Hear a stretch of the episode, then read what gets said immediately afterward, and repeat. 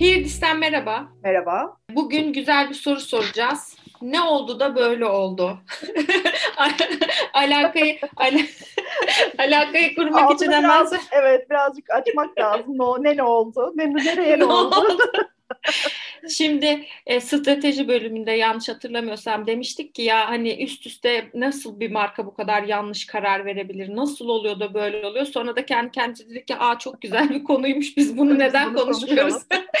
Şimdi onu konuşuyoruz ve Elif'le böyle örnekler seçtik. Biraz bahsedeceğiz. Nasıl oluyordu acaba bu başarısızlıklar elde ediliyor diye. Çünkü hani hani başarıya koşmak diye bir gerçek varsa başarısızlık diye de bir gerçek var ve Doğru. bu şirketler böyle irili ufaklı küçük şirketler değil, büyük tabii, kocaman şirketler. şirketler.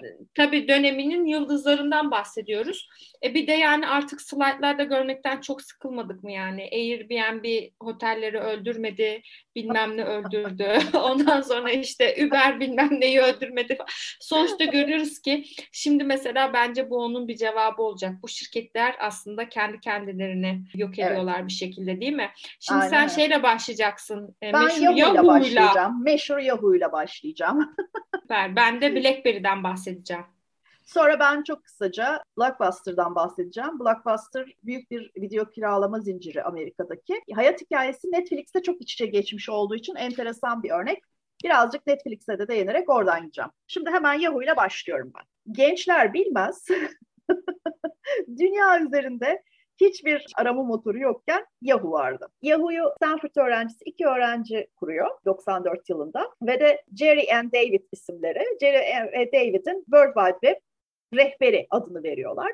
Sonra aynı yıl içinde e, bir Amerikan sevinç nidası olan Yahoo adını alıyor. Onun bir benzeri olan Yahoo adını alıyor. İşte sonradan buna bir tane backronym yapıyorlar. Yani bu ismi ismin baş harflerini anlamlandırmak geriye dönerek yapılan şey. İşte yet another hierarchically organized oracle falan gibi niye uğraşmışlar kimsenin bilmediği bir backronym yapıyorlar burada. Çok çok iyi bence Niye uğraşmışlar acaba diye. Ve e, 95 yılında da www.yahoo.com adresini alarak hop diye hayatımıza giriyor. Şimdi dediğimiz gibi 94 yılında kurulmuştu.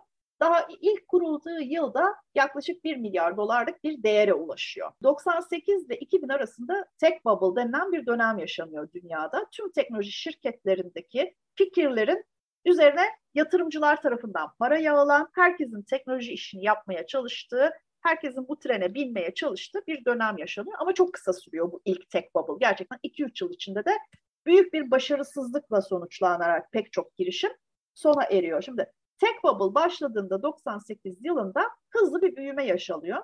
Dedim ya 94'te 1 milyar dolar yaklaşık. 98'de 40 milyar dolar. 40 kat büyüyor 4 yılda. 2000 yılında tech bubble'ın artık tepe noktasında en değerli haline ulaşıyor. 125 milyar dolar ulaşıyor değeri. Fakat bu noktadan sonra, bu tepe noktasına geldikten sonra unutmayalım ki burada aslında e, rüzgar yelkenlerini dolduruyor. Çünkü dönem öyle bir dönem. Tam bu tek bubble öncesi kurulmuş olmanın ve iyi bir iş modeli olmasının getirdiği hızla tepe noktasına ulaşıyor. Bundan sonra gerçekten silsile halinde hatalı kararlar veriyor şirket. Önce bu hatalı kararları söyleyeyim sonra arkasındaki mantığı söyleyeyim. Önce ya bir şey söyleyeceğim. Söyle. Hatalı kararın arkasındaki mantığı söylesen ne olur? yaptım ama niye yaptım? Doğrusu niye yaptım? O var. Tamam. Bak, tamam. Önemli bir şey o. Hepsinin Bak, çok bir ortak ettim. noktası var çünkü.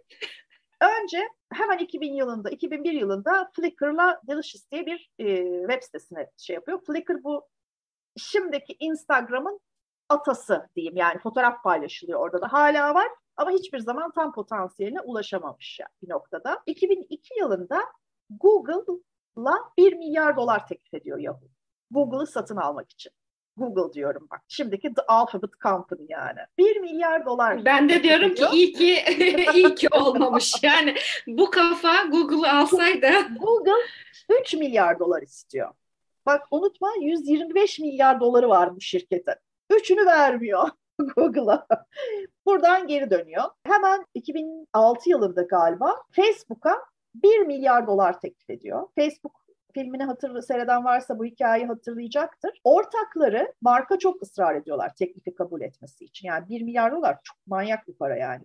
Bugün de yarın da öbür günde her zaman manyak bir para. Çok ısrar geliyor. O da teklifi reddetmemiş olmak için 1.1 milyar dolar için geri teklif yapıyor ve kabul etmiyor Yahoo bunu. 100 milyon dolar için Facebook almaktan vazgeçiyor. 2008 yılında Microsoft bir atak yapıyor. Hostile takeover deniyor buna. Karşı bir satın alma teklifi gerekiyor, getiriyor ama şey olursa alırsa dissolve edecek. Yani sonuç sonlandıracak Yahoo şirketini ve 44.6 milyar dolar teklif ediyor Yahoo'ya. Diyor ki ver çık. Bunu da reddediyor Yahoo. Sonra 2012 yılında büyük bir düşüş yaşanmaya başlıyor. Yaklaşık 20 milyar dolar seviyesine geliyor Yahoo'nun değeri. Burada Marissa Mayer'ı ortaya tekrar işe alıyorlar büyük bir teknoloji e, devinden. Çünkü bir sürü yanlış karar verdiklerini, sadece satın alma değil, parayı reddetme değil. Bu sürede pek çok yanlış iş kararı verdikleri için bunlar yaşanıyor aslında. Marissa Mayer da e, yaklaşık olarak e, 6 yıl falan çalışıyor, 4-5 yıl çalışıyor burada. Bazı şeyleri düzeltiyor, bazı şeyleri düzeltemiyor. Ve sonuçta da 2016 yılında Verizon'a satılıyor Yahoo. Bugünkü değeri ise eksi 8 milyar dolar. Yahoo bizim hayatımızdan tamamen çıkmış olabilir ama Asya pazarında özellikle hala bir takım şeyler var. Mesela Alibaba'nın ortağı. Verdiği tek akıllıca karar herhalde Alibaba'dan hisse almış olmak. Alibaba çok küçükken. İşte Yahoo Finance, Yahoo News, Yahoo Sports gibi markaları işte Flickr, Tumblr bunlar hala canlı markalar. Özellikle Asya pazarında hala iş yapıyorlar. Ama bugün bir teknoloji devi bizim anladığımız anlamda yani bir işte şey gibi alfabet gibi ya da bir Facebook gibi bir teknoloji devi ya da bir Apple gibi bir teknoloji devi değil. Hı hı. Neden? Arkasında da dediğim gibi hepsinde aslında bir tane ortak nokta var. İki tane şeyi kaçırıyorlar. Kolay para tırnak içinde ve hızlı para geldiği için aramaya değil ki yola çıkışları aslında bir directory'ydi. Bu o yüzden gerçekten komik bir şey arama motoru tarafına değil reklama odaklanıyorlar. Tamamen reklam alacak sistemler kuruyorlar. Bu da tüketici deneyimini olumsuz etkiliyor. İkincisi de mobil dönüşümü kaçırıyorlar. Marissa Mayer gelip de arkadaşlar ne yapıyorsunuz smartphone uyumsuz şey mi olur, internet sitesi mi olur dediğinde 2012 yılında artık film kopmuş oluyor. O yüzden de ben e, Yahoo'nun hikayesini kötü zamanlama, kötü kararlar ve zamanın ruhunu okuyamama diye özetliyorum.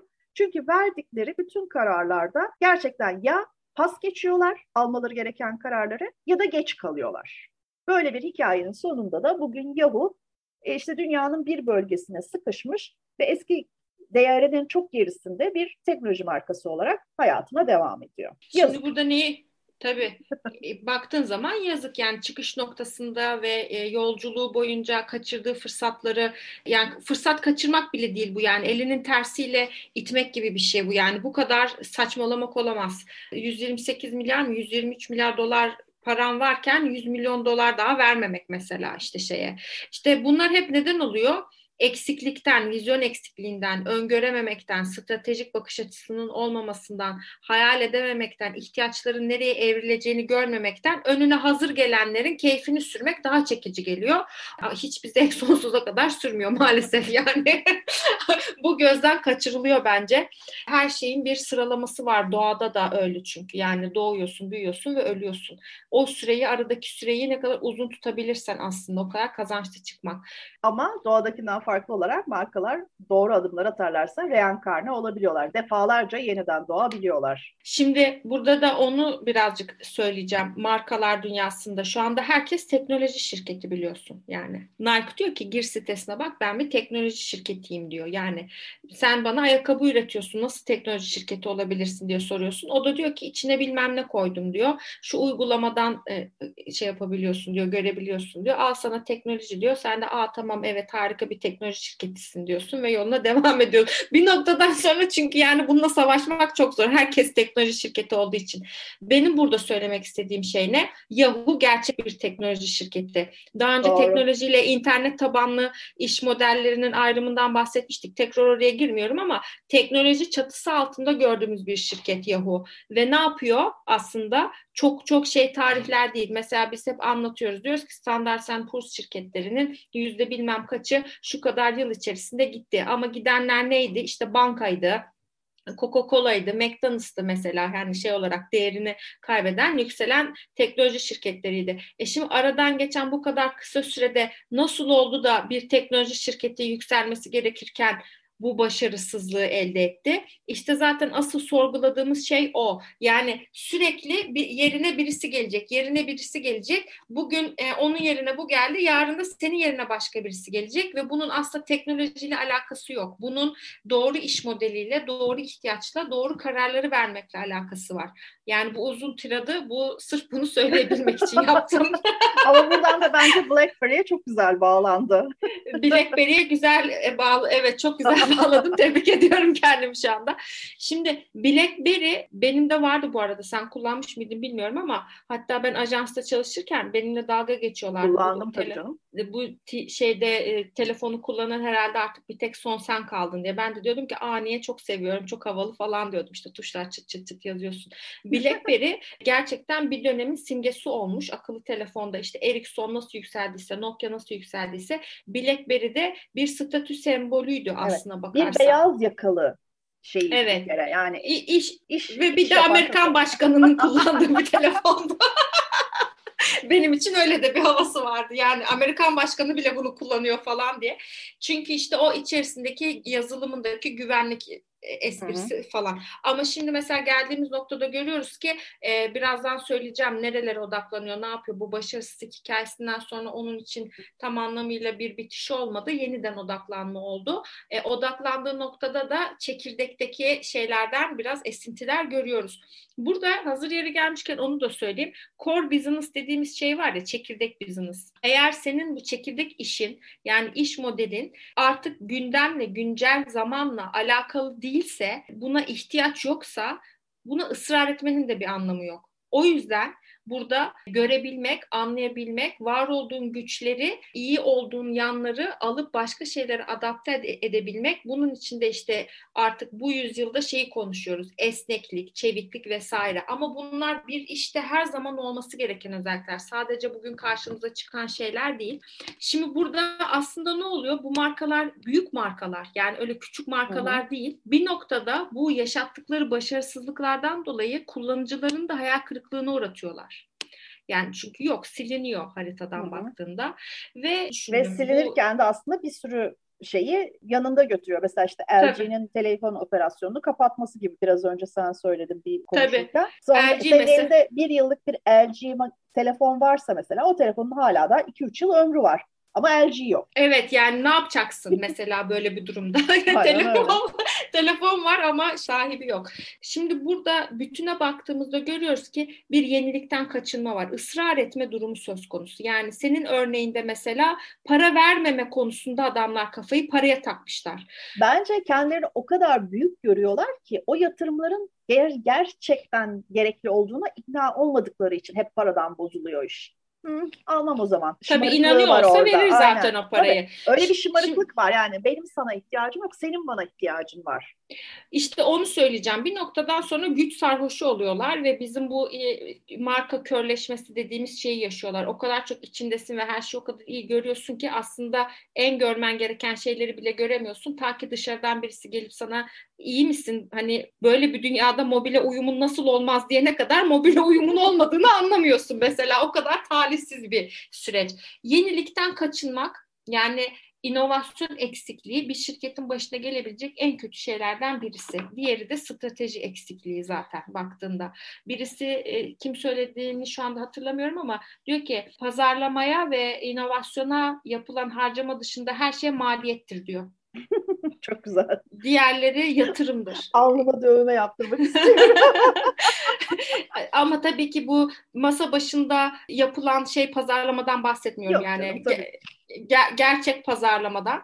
E, bunların ikisi böyle görülmelidir diyor. Şimdi ben de buraya bakarken biraz özetleyeyim dedim. E, BlackBerry'nin hataları neydi diye. Üç tane madde çıkıyor karşımıza. Tabii ki bir strateji, vizyon eksikliği var ama birincisi kurumsal pazara hakim olmak için büyüdükten sonra BlackBerry akıllı telefon devrimini ticari müşterilerin değil tüketicilerin yönlendireceğini tahmin edemedi. Hmm. Yani az önce konuştuğumuz bu beyaz yakalıya aşırı derecede hmm. odaklanmak ama arka taraftan gelen geniş tüketici topluluğunu göz ardı etmek.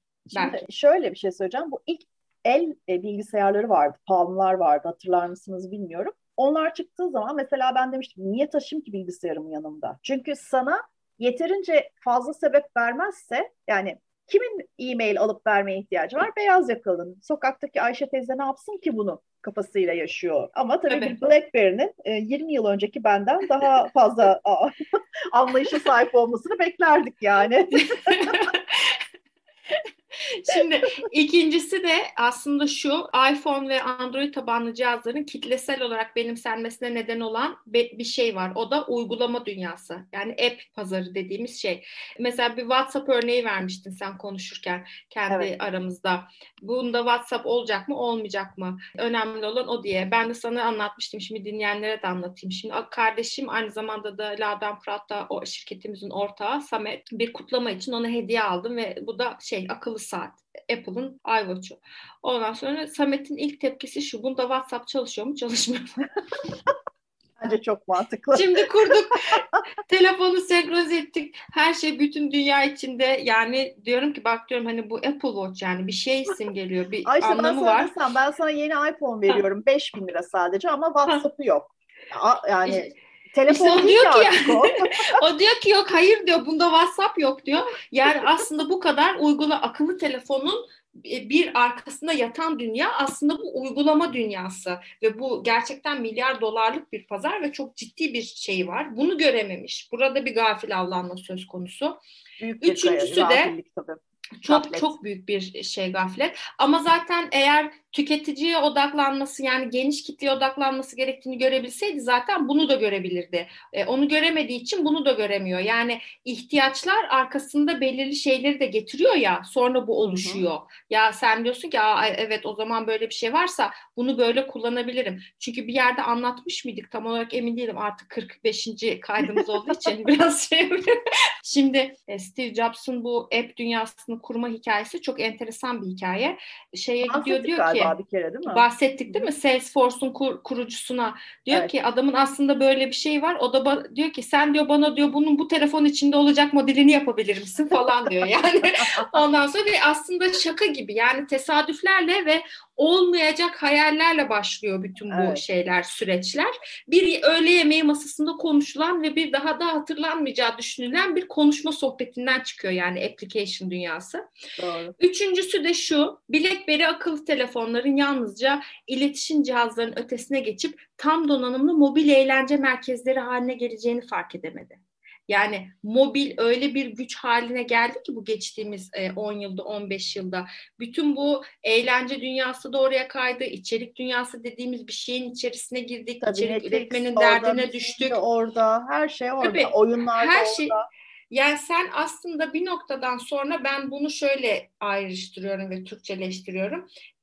İnsanların eline verdiğin cihazı sadece bir arama mekanizmasından çıkartıp bir dünya haline getirebilirdin. Senin elinde öyle bir fırsat vardı. Senin aslında teptiğin fırsat bu. Yani yeni bir dünya yaratma fırsatı. E ne oldu? Sonuçta da zaten 2007 yılında iPhone Revolution diyoruz. Bak tarihe de böyle geçti. Yani Hı-hı. akıllı telefon devrimi. devrimi. Aslında BlackBerry de akıllı telefon baktığında ama kırılımı yaşatan şey Apple oldu. Şimdi burada görüyoruz ki bu insanlarda e, bir hayal kurma eksikliği var, bir vizyon eksikliği var. Çünkü olmasa Elif bu yani bir insanda vizyon olsa, bir liderlik şeyi olsa ve o bu şirketin içerisinde olsa bu kadar çok şey olamaz. Kötü ve yanlış karar verilemez. Yani hani olabilir ama iş dünyası, sert kurallar, ticaret vesaire hani her şey olabilir ama bu kadarı da olamaz. olamaz. Liderliğin önemi burada karşımıza çıkıyor. Nokia'dan bahsetmiyoruz akıllı telefonda ama CEO'ların öneminden bahsedeceğim şimdi. Hani giden geleni aratır derler bazen ama şimdi böyle bir görevi de devralmak zor bir şey. Nokia'nın biliyorsun ki CEO'su ağlamıştı yani basın toplantısında. Yani neden olmadı? Yani her şeyi yaptı evden çıkıyorsun hani, rahatladığı için tabii, ağlamış olabilir. Çok üzgünüm, çok üzgünüm dedi yani her şeyi yaptık ama olmadı dedi. Şimdi bazen gerçekten de bazı dinamikleri değiştiremiyorsun. Yani bu tamamen de seninle ilgili olmuyor. Hatta Financial Times'ta böyle koskocaman tam sayfa haber yapmışlar. Yeni bir teknoloji devi yükseliyor, bir diğeri düşerken diye. A tech giant rises, another falls. Yani dramaya bakar mısın evet. şeydeki geldiği noktada? Şimdi BlackBerry'e 2013 yılında John Chen isimli bir CEO geliyor ve bu CEO aslında tamamen şirketi uçurumun kenarından e, ölmek üzereyken alıyor ve daha çok kazanmaya, kar etmeye başlayan bir şirket haline getiriyor. Ve bunu da nasıl yapıyor? İlk kararı ne? diyor ki akıllı telefon işinden çıkıyoruz. Çünkü biz hani bu işi yapamıyoruz arkadaşlar bir de orada diyor. tren kaç. Yani Tabii. premium pazarı dolu, ucuz marka pazarı dolu, şeyler almış başını gitmiş Asyalı markalar, Korelisi, Çinlisi, Tayvanlısı. Bir de öyle bir şey var. Mesela Samsung'un niye başına gelmedi bütün bunlar? Çünkü Samsung hayatını tek bir şeye bağlamadı. Hı. Yani çeşitlendirme yaptı, segmente yaptı, farklı alanlara girdi. E, ondan sonra olayı büyüttü, hikayeyi büyüttü. Sen ne yaptın? Israr ettin. Yani hala ben bak beyaz yakalıya e-mail okutacağım. Olayım bu. Şimdi mesela 2024'te de e-mail diye bir şey kalmıyor artık. Yani son şey verilen tarih o. Yani artık birbirimize e-mail de yollamayacağız. Şimdi gelinen noktada e, ne yapmış? Demiş ki telefon işinden çıkıyoruz arkadaşlar demiş. E, telefonları var hala ve hala tuşlu. Bir tane sadece dokunmatik ekranlı var. TLC isimli bir şirket üzerinden yapıyor. Yani artık onu eskisi kadar maliyet oluşturan bir şey değil. Ama oradan yakın zamanda tamamen çıkacağını düşünüyorum. Şimdi CEO'nun söylediği bir söz var. O beni çok duygulandırdı. Burada da paylaşmak istedim. Diyor ki BlackBerry çok ikonik bir şirketti ve ölmesini istemedim. O kadar zor bir görev devralıyorsun ki sen yani böyle bir şirkete gelmişsin düşün ve onun başındasın ve onun herkes yaşamaya... öldüğünü düşünüyor yani. Evet yani ve mesela diyor ki hani böyle bir imajın, böyle bir hikayenin arkasından tekrar bir başarı hikayesi yaratmak milyar dolarlar gerektiriyor. Bütün dünya çapında o yayılımı ve gücü korumak için ve bizim öyle bir paramız yok diyor. Ve o yüzden de sadece akıllı kararlar vermeye yani stratejiye başvuruyor. Diyor ki biz diyor cyber security'ye odaklanalım. İşte az önce bahsettiğim bu çekirdekte olan güçlü kasını bugün dünyada karşılığı siber güvenlik. Ve görüyoruz ki o dönemde aslında telefonların içindeki o korumacılığı bugün hayatımızda daha fazla ihtiyaç e, şeyi var e, güvenlik anlamında Karşılığı ve önümüzdeki var. yıllarda daha da fazla karşılığı olacak. Çünkü küresel riskler raporunda karşımıza çıkıyor bu risk. Hı hı. İkinci akıllı odaklanması da Internet of the Things dediğimiz IoT pazarında ciddi bir oyuncu haline geliyor olması ve burada da e, şeyi görüyoruz. Yüzde 44'lük bir satış geliri var. E, kurumsal yazılım satışlarında yani iş modelinde daha çok donanımdan yazılıma doğru bir kayış var ve de e, o da diyor ki yani biz Biliyorsun, doğru kararlar... de izlediği yol bu. Çünkü şey satmak, e, donanım satmak, cihaz satmak e, çok rekabetçi bir pazar ve son tüketiciye ürün satmak çok zor. Ama IBM bunu çok başarılı bir şekilde yönetti. Evet, BlackBerry evet. aynı başarıyı sergileyemedi. Sergileseydi bence onun da geleceği Şöyle, zaten... IBM başarılıyken vazgeçti çünkü. BlackBerry evet. başarısız olduktan sonra, ya başarı başarısız tabii tırnak içinde kullanıyorum neye göre kime göre de BlackBerry gibi uçurumun kenarındayken değil gidişatı görüp elindeki kaynakları nereye odaklamak isteyeceğine karar vererek yaptı IBM bunu. BlackBerry uçurumun kenarına kadar gitmesi gerekti bu karar verebilmesi için. Sonuç olarak şu anda tam olarak ölmüş değil ama böyle bir hikayesi ama var. Yani şey. artık artık başka bir şey. Yani evet. o bildiğimiz BlackBerry değil artık ve Kaplumbağa hayatına... geri dönmüş. Kaplumbağa olarak geri dön. Sende ne var başka? Bende bir de Blockbuster var. Önce birazcık kısaca Blockbuster'dan bahsedeyim. Türkiye'de çok bilinen bir marka değil ama Netflix ilişkisinden dolayı çok enteresan gelen bana bir örnek olay. Blockbuster 1980'lerin sonunda VHS kaset kiralanırdı eğlence için. Bir televizyon kanallarımız vardı ki o zamanlar bir tane vardı ama Amerika'da öyle değil tabii. Yeni çıkan filmleri vesaireyi VHS kaset olarak kiralardık. VHS player denen cihazlarda da oynatırdık. Bu bildiğiniz hani hepimizin gördüğü e, müzik kaseti kıvamında bir şey. Dolayısıyla baştan sona gittiğinde tape de sona sarılmış olurdu. Bant da sona sarılmış olurdu. Ve bu birçok küçük dükkan tarafından, bu Amerikalıların moms and pops dedikleri var ya, aile işletmeleri tarafından her şehirde, her mahallede bir tane kiralama e, yapan yer olurdu. Burada tabii şöyle sıkıntılar var. İşte gideceksin, istedi, istediğin film hele de Türkiye'de yaşıyorsan film gelmiş olmayacak. Biraz iki yıl öncenin falan filmlerini seyredeceksin. Ya da Amerika'dasın böyle bir şey yok ama aylarca öncenin filmlerini seyredeceksin. Yeni gelen film çok popüler olduğu için çoktan kiralanmış olacak. Sıraya yazılacaksın, bekleyeceksin vesaire vesaire. Böyle bir operasyon. Bir şey söyleyeceğim. Çok yoruldum şu anda. Netflix'i verin bana. Netflix verin bana da vardan. Neyse. Ya bu arada ben film falan indirirdim böyle 2007-2008 yıllarında. Mesela bir filmi birkaç gün beklerdin yani tabii. inecek de izleyeceksin falan. Tabii, yani tabii, şimdi tabii. mesela açıyorsun Netflix'e bakıyorsun diyorsun ki of hiçbir şey yok burada izleyecek falan diyorsun. On binlerce film var. evet. Neyse böyle bir ekosistemin içinde yani kaset kiralanan bir dünyada David Cook adında biri 1985 yılında kuruyor blockbuster. Blockbuster kelime anlamı, anlamıyla patlama demek. Çok başarılı Hollywood filmlerine verilen bir kategorik isim bu. İşte Titanic'ler, işte Lord of the Rings'ler, Superman'ler, Batman'ler milyonlarca dolar gişe yapan filmlere blockbuster deniyor. David Cook 85 yılında bir petrol şirketi var. Fakat bir petrol krizi yaşanıyor o dönemde ve çok büyük bir sıkıntıya düşüyor. İşte ödeyemele, ödemelerini yapamıyor vesaire vesaire. Aslında bir yazılımcı elindeki kendi petrol envanterini tutmak için kullandığı yazılımı karısının aklına gelen bir fikirle bu kaset kiralama işini ülke çapına yayarak dolayısıyla şubeler açan bir sistem olarak planlamaya karar veriyor. Bunun arkasındaki en önemli sebep de aslında kendi deneyimi. Bir türlü istediği kaseti kiralayamadığı bir düzenden bahsediyoruz. Hep gidip öh deyip bir şey almak zorunda kalıyoruz. Neyse bu, bu fikir çok tutuyor. Birçok bireysel dükkan Blockbuster'a dönüşüyor. Blockbuster pek çok yerde şube açıyor. On binlerce şubeye ulaşıyor e, Amerika çapında. Ve yaptığı şey raflar var içeride. Gidiyorsun fiziksel olarak dokunarak bir kaset kiralıyorsun. Onu götürüyorsun. Evine de seyrediyorsun sonra geri getiriyorsun. O kadar şey ki şimdinin Netflix and chill gibi bir takım deyimleri var o döneminde. İşte mesela make it a blockbuster night diye bir şey var işte buluşma gecesi tanımı var. Be kind rewind diye bir tabir var. Böyle stickerlar yapılıyor dedim ya. Kaset sonuna geldiğinde bant da sonuna film bittiğinde bant sonuna gelmiş oluyor.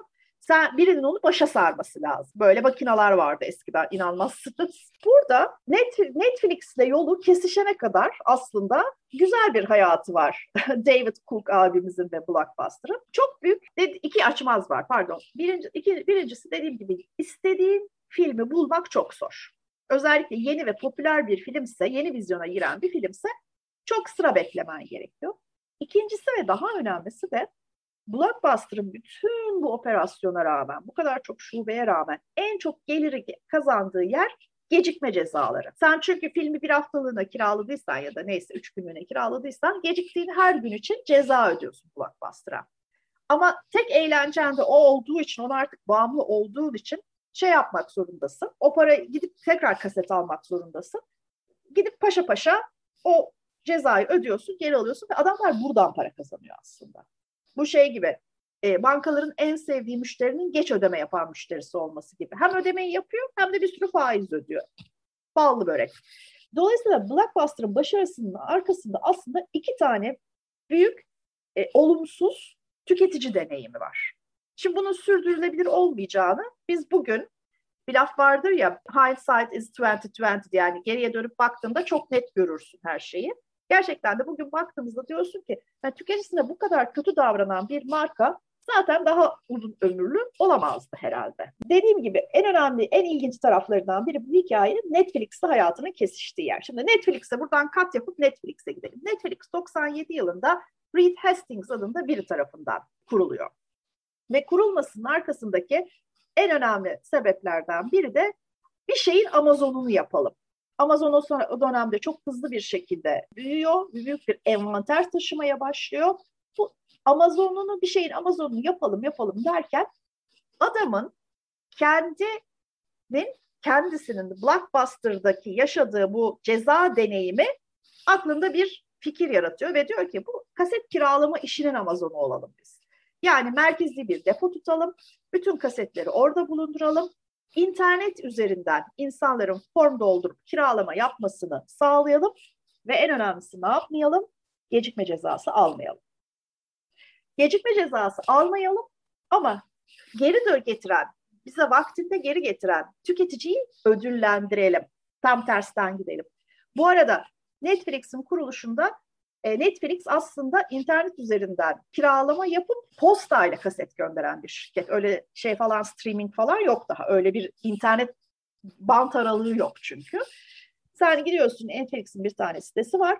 Ama o sitede binlerce film var. Yani sen köşedeki dükkanın metrekaresiyle sınırlı değilsin. Orası büyük bir depo çünkü. Binlerce film arasından istediğini seçiyorsun. Burada janrlar var. Artık yavaş yavaş bir kategorizasyona gidiliyor. Daha önce seçtiğin filmleri sana hatırlatıyor. Yavaş yavaş data mining'e gidiliyor. O janr arasından işte diyelim ki beş tane kaset kiralıyorsun. Kiraladıkını Netflix sana postayla yolluyor. Dolayısıyla Netflix'in ilk iş modeli bu. Yolu nerede kesişiyor diyecek olursa Netflix büyümekte biraz zorlanıyor. Çünkü kabul edelim bu biraz eziyetli bir yöntem. Bir filmi seçiyorsun, üç hafta bekliyorsun. Aslında Blockbuster'da da bekliyorsun. Çünkü filmin zaten sana gelmesi vakit alıyor. Ama o arada da başka şeyler alabiliyorsun. 2000 yılında Reed Hastings Blockbuster'a gidiyor. Diyor ki abicim sizin çok iyi bir şey fiziksel işiniz var. Bak ben de bu şey işini, internet işini oturttum. Gelin ortaklık yapalım. Siz o tarafını yönetin, ben bu tarafını yöneteyim. Birlikte kazan kazan senaryosu yapalım. Adama gülüyorlar yani. O kadar çünkü iyi bir zamanını yaşıyor ki, işlerin büyüdüğü bir zamanını yaşıyor ki ve son tüketicideki gelişimin, değişimin ve memnuniyetsizliğin o kadar farkında değil ki ve ama sanki köpek muamelesi yapıp gönderiyorlar. Ama gerçekten de çok çok kısa bir süre sonra, bu iş 2000 yılında oluyor unutmayalım. Blockbuster'da işler tersine gitmeye başlıyor. Önlem almak için bir takım şeyler yapıyorlar. Hemen mesela gecikme cezalarını önce azaltıyorlar, sonra kaldırıyorlar. Ama iş ancak 2010 yılına kadar sürebiliyor. 2010 yılında çünkü bu arada atı alan Netflix çoktan Texas'ı terk etmiş oluyor. Kıssadan hisse. Hatalar Netflix Texas'ı terk edecek ama gerçekten bayıldım şu an. Kıssadan hisse gerçekten de her şeyin bu, bu zamanın ruh işine ben çok inanırım biliyorsun. Her zaman söylerim de. Bir önceki Yahoo hikayesinde Burada peş peşe silsileler halinde verilen karar, yanlış kararlar vardı. Yani sürekli olarak yanlışı tercih etmek gibi bir başarı hikayesi vardı gerçekten. Şeyde ise büyük bir adaptasyon kabiliyetsizliği var Blockbuster'da ise. Gidişatı hiçbir şekilde göremeyip, son tüketicisinin nabzını tutamayıp, internet dünyasındaki büyümeyi göremeyip 2010 yılında aramızdan ayrılıyor. Bugün dünyada bir tane şey var, Blockbuster var hala hali hazırda operasyonel olan. Bend Oregon diye bir şehir. Müze olarak mı tutuyorlar onu? Kadın kapatmıyor dükkanı öyle biri. Ondan sonra bununla ilgili de bir belgesel var. Nerede yayınlanıyor bir bakalım. Netflix.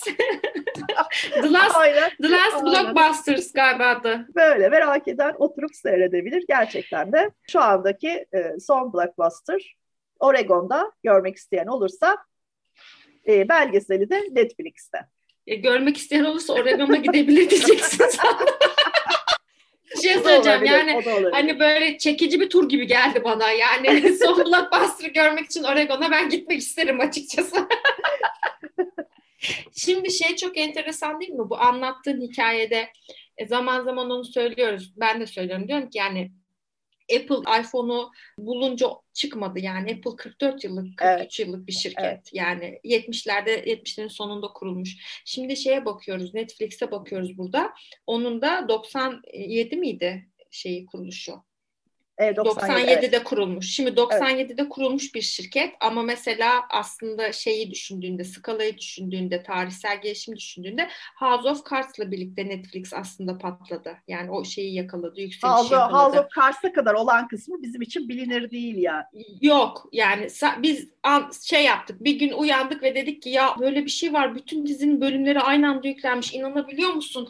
Geçebiliyorsun falan diye. Şimdi bu efekt de mesela medyanın içerisindeki içerik dünyası içerisindeki bu dönüşüm de çok tartışılabilecek bir konu. Bir de bir şirketin patlama noktasını yaşaması illa onun hayatını o an başladığının anlamına gelmiyor. Gel, evet. Bunun çok öncesi var. Ama mesela Netflix bir vizyonu mesela House of Cards'a baktım sen konuşurken 2013'müş. 2013. yıl var. 15 Tabii, sen 15 yıl ne yaptın? Yani 15 işte söylüyorum kate, katalogdan kaset postalamış adam ya bildiğin kaset kira. Yani bunun tek sebebi şey mi yani internet bant aralığının yeterli olmaması Hayır. mı? Tek en önemli sebebi şu. Şimdi tekrar Blockbuster'a geri döneceğim. Blockbuster'ın başarısızlığının en önemli sebebi e, adapte olamaması. İkinci önemli sebebi de çok karlı olması. Çünkü bir Amerikan lafı vardı. Don't fix it if it's not broken diye. Bizdeki icat çıkarmanın karşılığı. İcat çıkarma abicim. Şimdi adamlar o kadar iyi para kazanıyorlar ki. Ya bundan sonra ne var acaba? Next big thing ne? diye sormak için böyle bir şey hissetmiyorlar. Netflix'te ise bir challenger olduğu için, arkadan gelen olduğu için hep bir sonraki şeye gitmeye bakmak zorunda ve de Netflix'te işi postaladığı için sonuçta nişten başlıyor. Yani sen nişi keşfettiğin ve oradaki network stratejisini uygulamaya başladığın zaman bir sonraki gruba, bir sonraki gruba bunun yayılımı yeni şey dünyada, e, connected dünyada çok daha hızlı oluyor. Yani aslında bence özetle bir kırılma noktası yaşandığında Blockbuster kırılmanın yanlış tarafında kalıyor, Netflix doğru tarafında kalıyor. Evet zaten bence de bütün bu hikayeleri özetlediğimizde soracağımız soru bu. Kırılma olacağı kesin. Yarın da olacak. Yani şu anda da öyle bir dönem içerisindeyiz. Ee, ben bir kriz dönemi eğitimi veriyorum. Orada da anlatıyorum. Yani krizlerin ne zaman çıkacağını bilemiyorsun. Bunu önlemen de mümkün değil. İç sorunlar var. Mesela işte ne bileyim sürekli satış e, kaybediyorsan, sürekli müşteri kaybediyorsan, ekibinde sürekli problem varsa, operasyonu sürekli problemliyse kriz senin için sürpriz değil yani. Bu sana söylemiş bas bas var mı sen görmemişsin ama işte Covid krizi bizim bilebileceğimiz bir şey değildi. Ama bilemeyeceğin şeyler olsa da bunlar hep olacak. Önemli olan sen nerede olacaksın? Kırılımın neresinde kalacaksın? Kaybeden tarafında mı, kazanan tarafında mı? Kazanan olabilmek için nelere ihtiyacın var? İşte bu yaratıcı düşünme, stratejik düşünme, soyut düşünme, bu esneklik, bu çeviklik, adapte olabilme, fırsatları görebilme, direnmeme evet. veya ortada yoksa bile inovasyon bu işe yarıyor. Yani olmayan bir şeyi de hayal edip oraya doğru da evriltebilirsin. Bunların mesela esinlendiğini görüyoruz. Şimdi o çıkış noktasında anlattığın hikaye de bana onu hissettirdi. Ben ne yapayım hmm. ne yapayım işte Amazon'un bu versiyonunu yapayım demiş Hı. adam yola çıkış hikayesinde. Design da zaten biraz böyle bir şeydir. Bunun kopyalama ile ilgili bir ismi var ama terim tam aklımda değil. Yanlış söylememek için söylemeyeceğim. Sonra hatırlarsam başka bir yerde söylerim. Beyindeki imajları görebildiğimiz gibi önce insanlara anlatmaya çalışıyoruz. İşte Apple'ın Book Store'unun görseli Hı-hı. kitaplık rafıydı ama aslında Hı-hı. yani o dijital bir şeydi. Ya da şeyde de baktığın zaman hala bilgisayarında Ama da çok dijital kitap neye benziyor acaba diye düşünüyorsun. Onu, Kitabın ikonunu koyuyorsun oraya. Evet mesela şimdi bilgisayarındaki çöp kutusu imgesine bak tasarlanmış olan şey. Çöp kutusu alıyorsun çöp kutusuna atıyorsun. O hissi verdirtiyor sana ama aslında öyle bir şey yok yani. Bunu sil dediğinde bilgisayarın kim bilir neresine gidiyor. Yani tasarım birazcık da bu hayal ettirme işini yapıyor ya. Hmm. O yüzden hep eskiden örnek alarak referans alarak yola çıkılıp kurulan bazı şeyler görüyoruz. Ne zaman zaman ki özgün bir şey yaratmaya başlarsan işte o zaman sen hem inovasyon hem de devrim yapmış oluyorsun. Şimdi bu izlediğim bir belgesel var Abstract diye Netflix'te ikinci sezonunu kaçırmıştım yani bir süredir başlayamamıştım. Çok fazla izlemeye vaktim olmuyor. En sonunda geçenlerde izledim. İkinci bölümde MIT'nin de laboratuvarında e, bölüm başkanı olan bir kadın var. Onu da tanımıyordum. Bu şey aracılığıyla öğrendim. Dedim ki ben nasıl tanımam böyle bir kadını? E, o diyor ki e, şeyde bir araştırmacı var içeride biz diyor 50 yılın 100 yılın sonrasının şeylerini burada diyor tasarlıyoruz. Eğer zaten bugün çalışacak bir şey yapıyorsak bunda problem var demektir diyor. Evet. Yani yaptığımız şeyleri sizin anlamamanız çok normal çünkü biz onları bugün için yapmıyoruz diyor. Ve bir şey daha söylüyor. Top, toplamda kapatırken ben son düşüncelerim olarak onu söyleyeyim. Yine aynı belgeselden alıntı yapıyorum. Şimdi bütün bu liderlik dedik, CEO dedik, gitti geldi bu kadar zor bir göreve. Sürekli başarısız olan, kan kaybeden bir şirketi yönetmek de kolay değil. Sürekli o verilen yanlış kararların ağırlığını taşımak da kolay değil. İşte liderlik becerileri burada karşımıza çıkıyor. Orada diyor ki fırtınanın merkezi çok sessizdir bu bir ironi gibi bir şey aslında yani Hı-hı. düşündüğünde fırtına nasıl sessiz olabilir ki diyorsun ama gerçekten öyledir. Hani kaos da kendi için derler. Tabii. Orada orası diyor çok sessizdir. Ben diyor burada diyor bütün şeyi fırtınayı kendim yaşıyorum ama ekibimi hep o merkezde tutmaya çalışıyorum ki dikkatleri odakları dağılmasın diye. İşte doğru kararlar vermek bu noktada ben hep liderlere de onu söylüyorum. Her şeyi sen düşünmek, her şeyi sen yapmak zorunda değilsin. Steve Jobs da diyor ya yetenekli insanları işe al ve gerisini onlara bırak. Yani bırak işlerini yapsınlar. Ee, onlara ödediğin paranın bir anlamı olsun. Lider dediğimiz insanın başka şeyleri düşünüyor olması lazım çünkü. Bunu da başka bir sanatçı söyledi. Ben dedi bir fikir bulurum dedi. Onu dedi nasıl hayata geçireceğimi ekibim düşünür. Ben nasılına odaklanmam. Ben neden bunu düşündüğüme odaklanırım dedi. Yani bu bence çok önemli bir şey söylem. Ve her zaman da dedi fikrin gerisine giderim, ilerisine değil. Acaba ben niye bunu düşünmüş olabilirim? Neden acaba ben böyle bir soru sordum? Bana bunu düşündüren şey neydi? Onu bulurum ve ona odaklanırım diyor. Yani bu şey içerisinde karar vermekte zorlananlar varsa bizi dinleyenler arasında bir yol ayrımında ya da bir kırılımın ortasında olduğunu, yani ben kırılımın hangi tarafında olacağım? Kazanan tarafta olmanız için size önemli ipuçları verdim. Çok önemli şeyler değil mi bunlar? Yani evet. doğru soruları sormak ama tüm görevi kendi üstüne almamak. Nasılını ekibin Delegasyon düşünsün diyor. çok zor bir şey bu arada. Çok öğrenilmesi gereken bir şey. Evet. Gerçekten sadece iyi liderlerde olan bir şey. Çünkü en kolayı kendin yapmak. En zoru birinin yapması için gerekli ortamı ve brief'i oluşturmak. Sonuç olarak benim görüşlerim böyle bu hikayelerde. Evet. Ben de özetle diyorum ki önünüze gelen fırsatları kaçırmayın, zamanı doğru okuyun ve adapte olma fırsatını da kaçırmayın. Çünkü adapte olamayan ölür. Fırtınanın merkezinde olmayı e, ben de diliyorum herkese. İnşallah hepimiz fırtınanın merkezinde oluruz. İçinde etrafında kalmayız. Hoşçakalın. Hoşçakalın.